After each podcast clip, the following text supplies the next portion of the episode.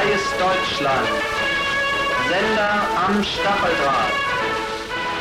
Tu studio Wolne Niemcy. Nadajnik przy zasiekach. Wir bringen aktuelle Meldungen aus der freien Welt. Nadajemy aktualne wiadomości z wolnego świata.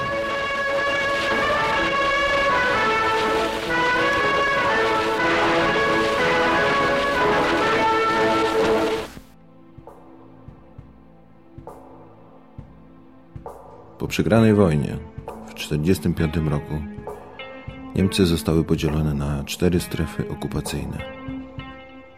Cztery lata później, w maju i w październiku 1949 roku, powstały dwa niezależne państwa niemieckie: Republika Federalna Niemiec i Niemiecka Republika Demokratyczna. Coś, co dotychczas wydawało się czymś zupełnie naturalnym, możliwość przemieszczania się w obrębie jednego kraju stawało się coraz trudniejsze. Spotykało się z coraz to większymi obostrzeniami. I nie bez przyczyny. Społeczeństwo, widząc coraz większą różnicę dzielącą oba niemieckie kraje, masowo opuszczało NRD, uciekając do Niemiec Zachodnich.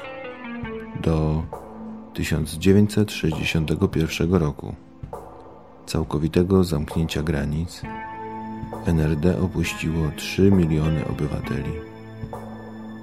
Szczególną historię odegrał tutaj podzielony Berlin, gdzie w granicach jednego miasta spotykały się dwa światy. To tutaj miały miejsce najbardziej niesamowite próby ucieczki z kraju rolników i robotników. I to właśnie o tym chcę Wam dzisiaj opowiedzieć.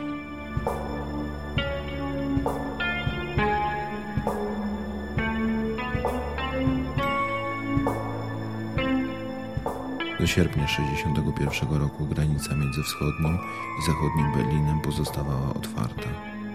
Nie stanowiło większego problemu przejście z jednej części miasta do drugiej i codziennie pół miliona ludzi przechodziło z jednego sektora do drugiego. Wielu wschodnich Berlińczyków przechodziło do Berlina Zachodniego, do kina, do dyskoteki, pracowało we, w zachodnim Berlinie, czy też zwyczajnie szli tam na zakupy.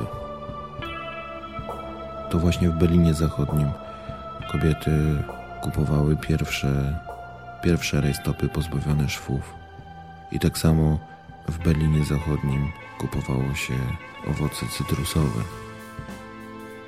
I to właśnie w tym czasie przywódcy państw socjalistycznych spotkali się między 3 a 5 sierpnia w Moskwie i zdecydowali o zamknięciu granicy między wschodnimi i zachodnimi Niemcami, między wschodnim i zachodnim Berlinem. 12 sierpnia o godzinie 16 przywódca Niemieckiej Republiki Demokratycznej Walter Ulbricht podpisał rozkaz zamknięcia granicy. W niedzielę o północy wojsko, policja i grupy paramilitarne rozpoczęły zabezpieczanie miasta. Rozpoczęła się budowa muru, który na 28 lat miał podzielić Berlin. Ulice, tory kolejowe zostały przerwane, stacje metra zamknięte, nawet cmentarze padły ofiarą budowy muru. Odpowiedzialnym za wykonanie tego zadania był nie kto inny jak późniejszy wieloletni przywódca NRD Erich Honecker. Budowa muru, a raczej jego rozbudowywanie trwało przez wiele lat i stawał się on coraz bardziej złożony, coraz trudniejszy do przejścia, coraz bardziej wyszukane metody znajdowano na to, aby zatrzymać obywateli, aby nie dopuścić do tego, żeby opuścili swoją jakże ukochaną ojczyznę.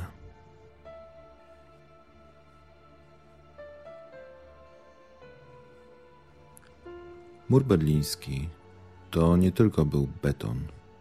Mur berliński to nie była jedynie ściana. Był to dość skomplikowany system zasieków, pola minowego, żelbetonowej ściany. Oficjalnie był to mur antyfaszystowski, którym miał chronić obywateli wschodnich Niemiec przed neofaszystowską falą, która miała nadejść z zachodu. Dziwnym jednak zbiegiem okoliczności betonowe zasieki powstrzymujące samochody skierowane były nie na zachód, skąd miało nadejść zło, ale na wschód. Z NRD wyjeżdżać mogli niemalże bez ograniczeń jedynie ci obywatele, którzy nie stanowili już wartości dla kraju, czyli tacy, którzy nie należeli już do grupy produktywnej. I tak na przykład w maju 1987 roku młoda rencistka pani Trauzetel wybrała się do Berlina Zachodniego. Wschodnia niemiecka administracja była jednak na tyle perfidna, że nie pozwalała nigdy wyjeżdżać całym rodzinom. I tak pani Trauzetel mogła wielokrotnie przekraczać granice Berlina Zachodniego, ale nigdy nie mogła udać się tam ze swoim małym synkiem.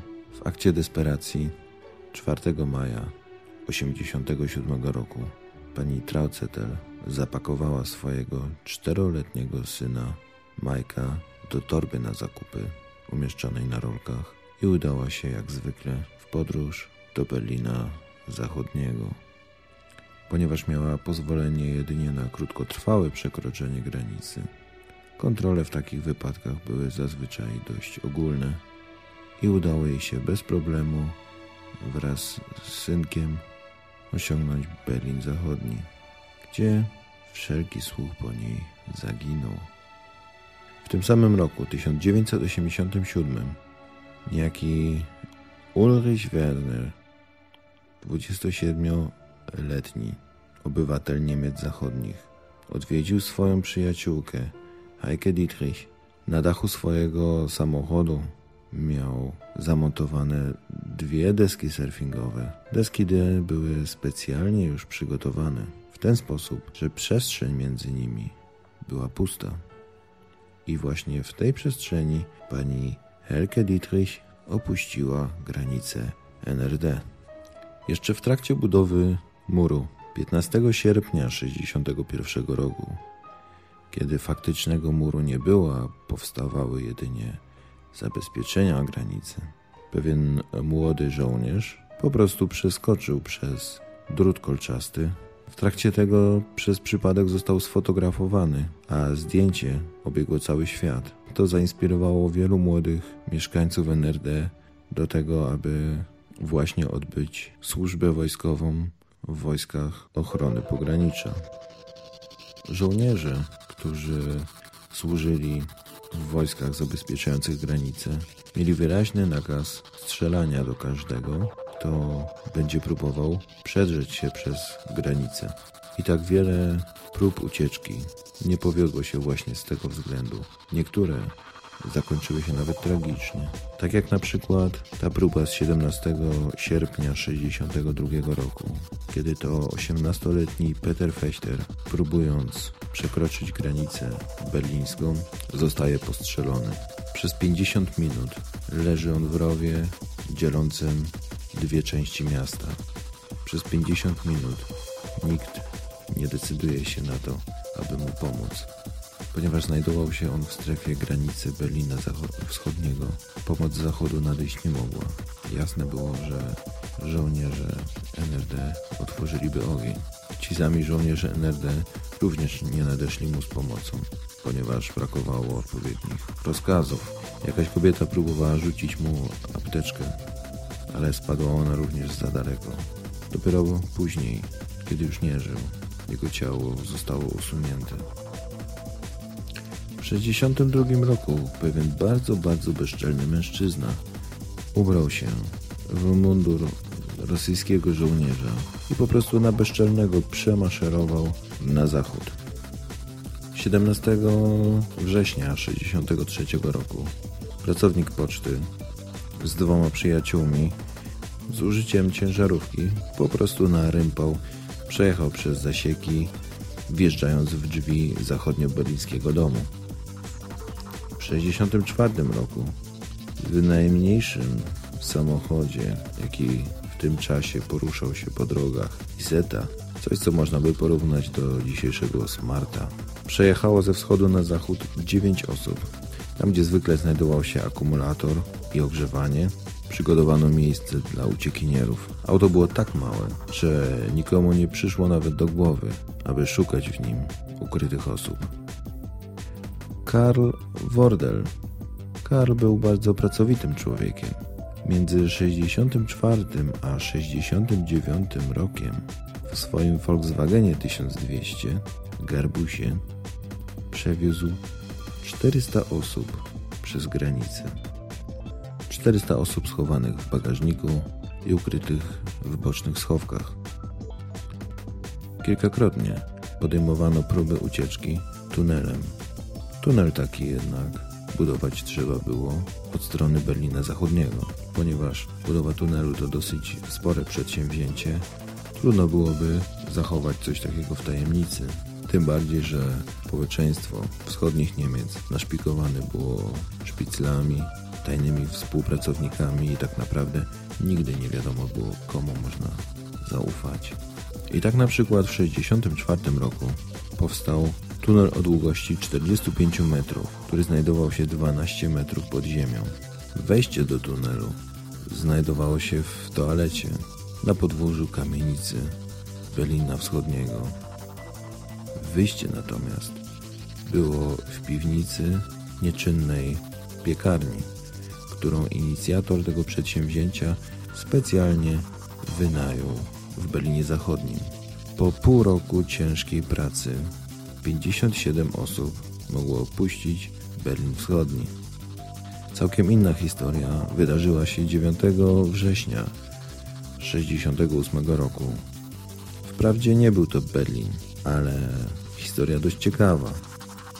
28-latek Bernd Böttger z przyczepnego silnika rowerowego zbudował mini łódź podwodną, którą przez Bałtyk przedostał się do Danii 25 km. Pokonał w 5 godzin. Taki wyczyn oczywiście nie mógł pozostać bez echa.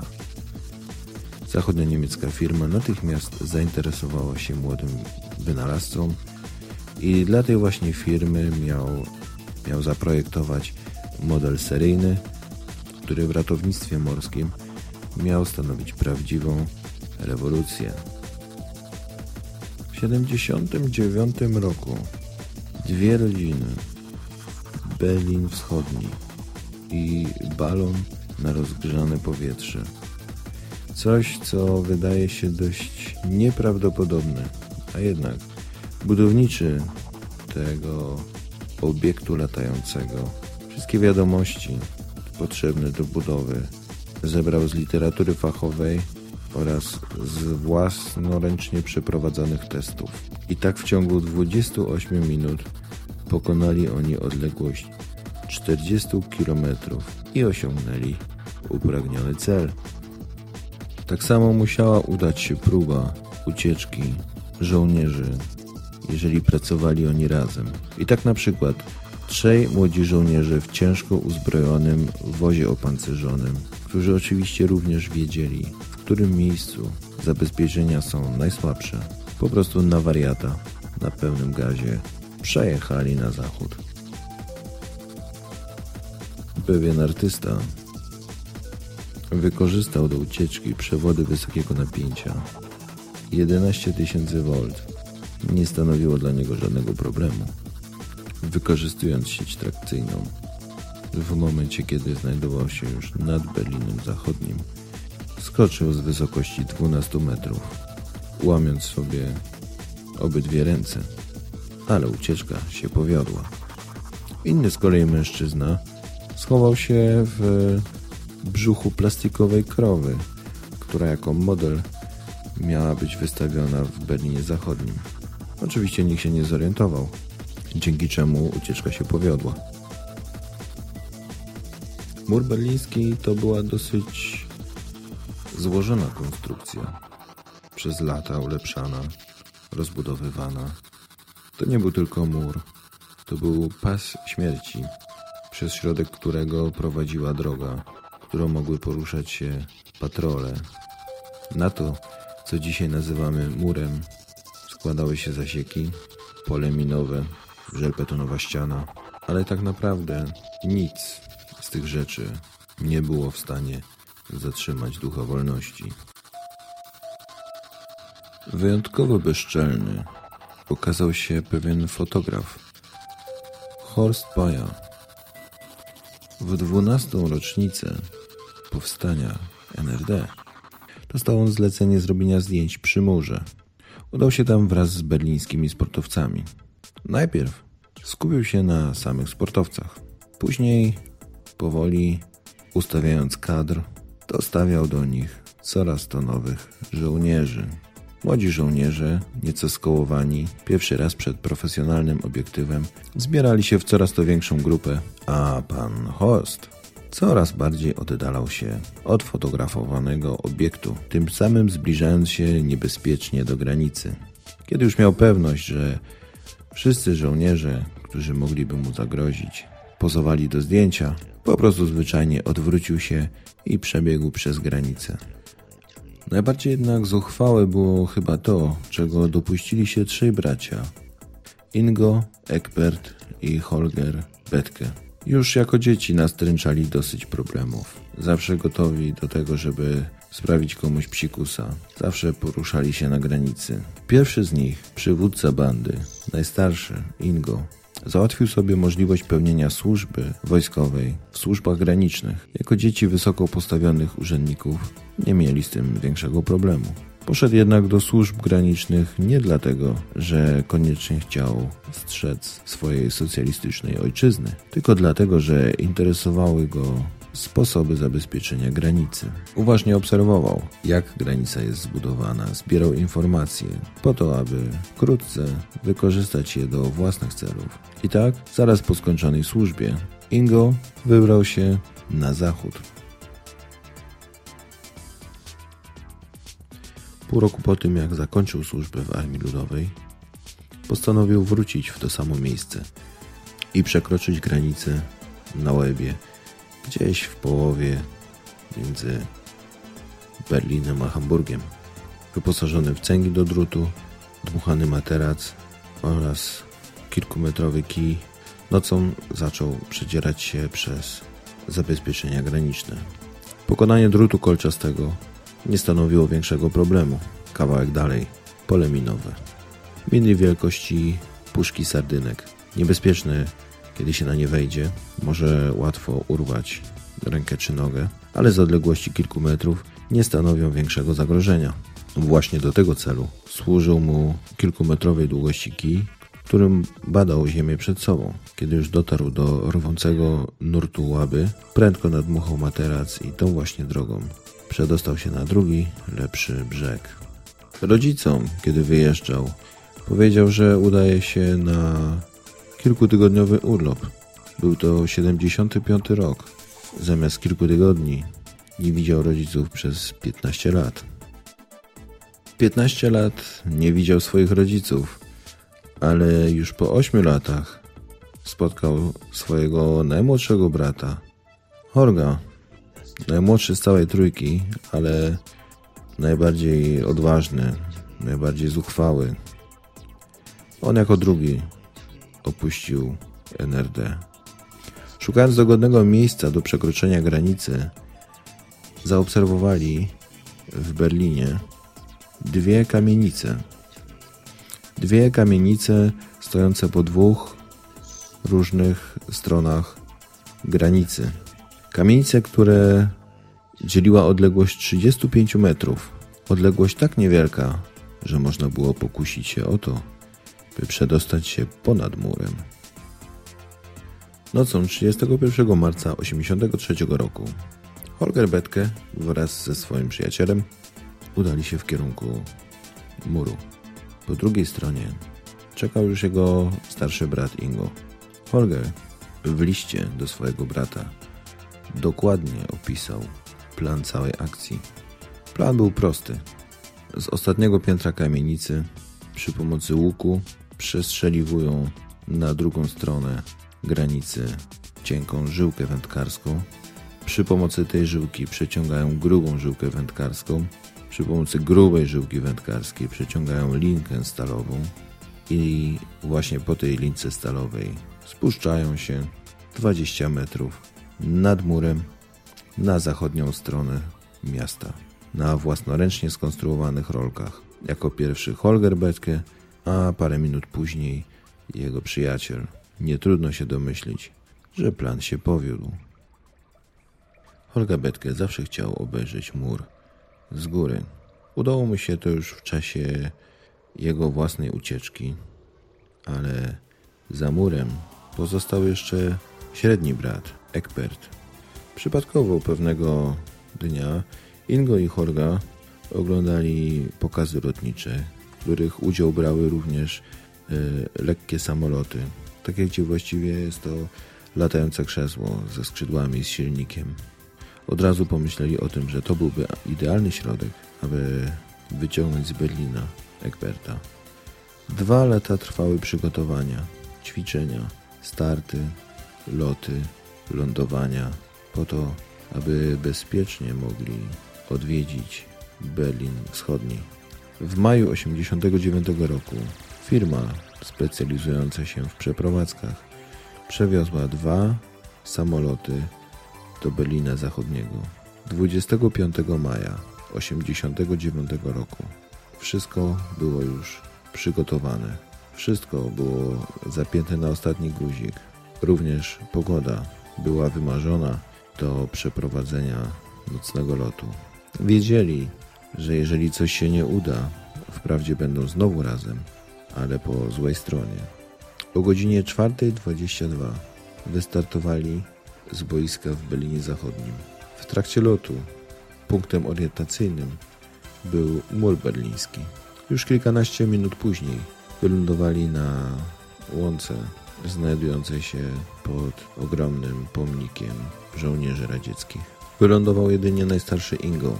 Holger pozostał w powietrzu, zabezpieczając Ingo w razie gdyby były kłopoty z lądowaniem. Egbert od razu zajął miejsce w pojeździe latającym i na pełnym gazie wznieśli się ponad drzewami Berlina Wschodniego. Ponownie lecieli wzdłuż muru po to, aby kilkanaście minut później wylądować na trawniku przed Reichstagiem. To, czego dokonali bracia Betke, to chyba najbardziej spektakularna historia, najbardziej kolorowa. Nie wiedzieli oni jednak o tym, że już pół roku po tym wyczynie mur berliński stanie się historią. NRD zapadło się w sobie, a otwarcie granic było mniej lub bardziej wynikiem administracyjnego chaosu panującego w tym czasie w Niemczech Wschodnich.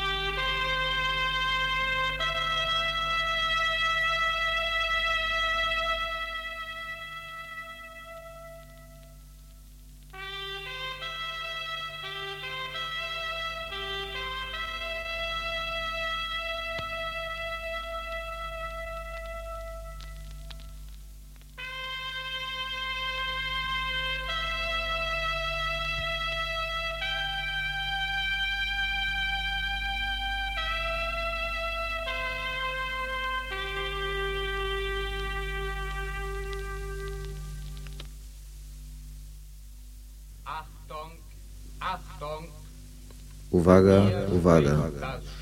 Tu mówi studio przy zasiekach. Żołnierze Narodowej Armii Ludowej. Kto zastrzeli człowieka, dopuszcza się morderstwa. Tego morderstwa nie można usprawiedliwić ani wobec prawa, ani przed własnym sumieniem.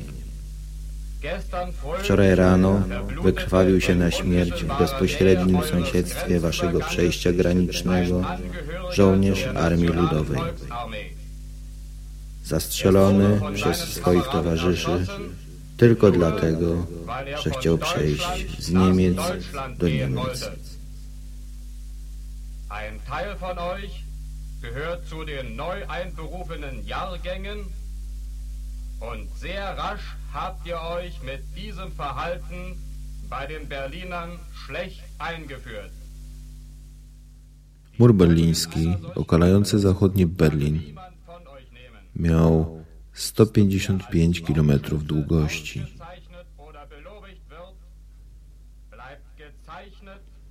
Sama granica między wschodnim i zachodnim Berlinem to prawie 50 kilometrów.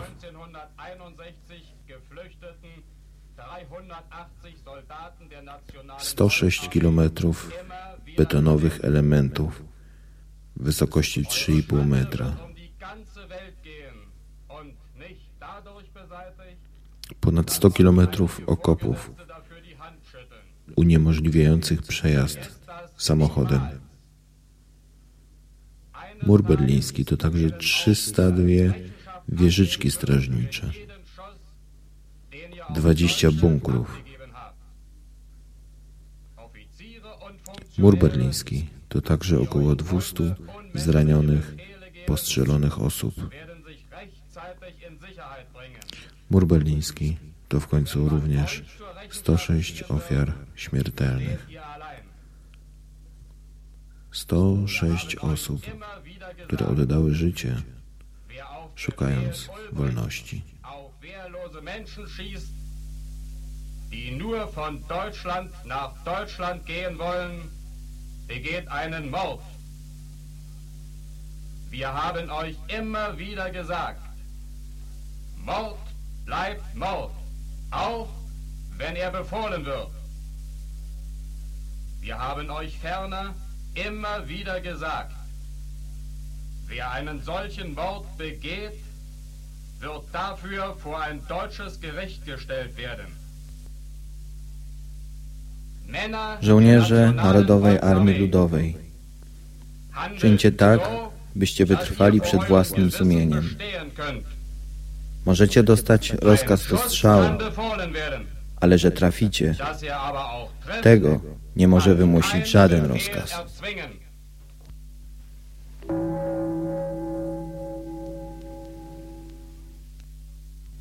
Hörten das Studio am Stacheldraht.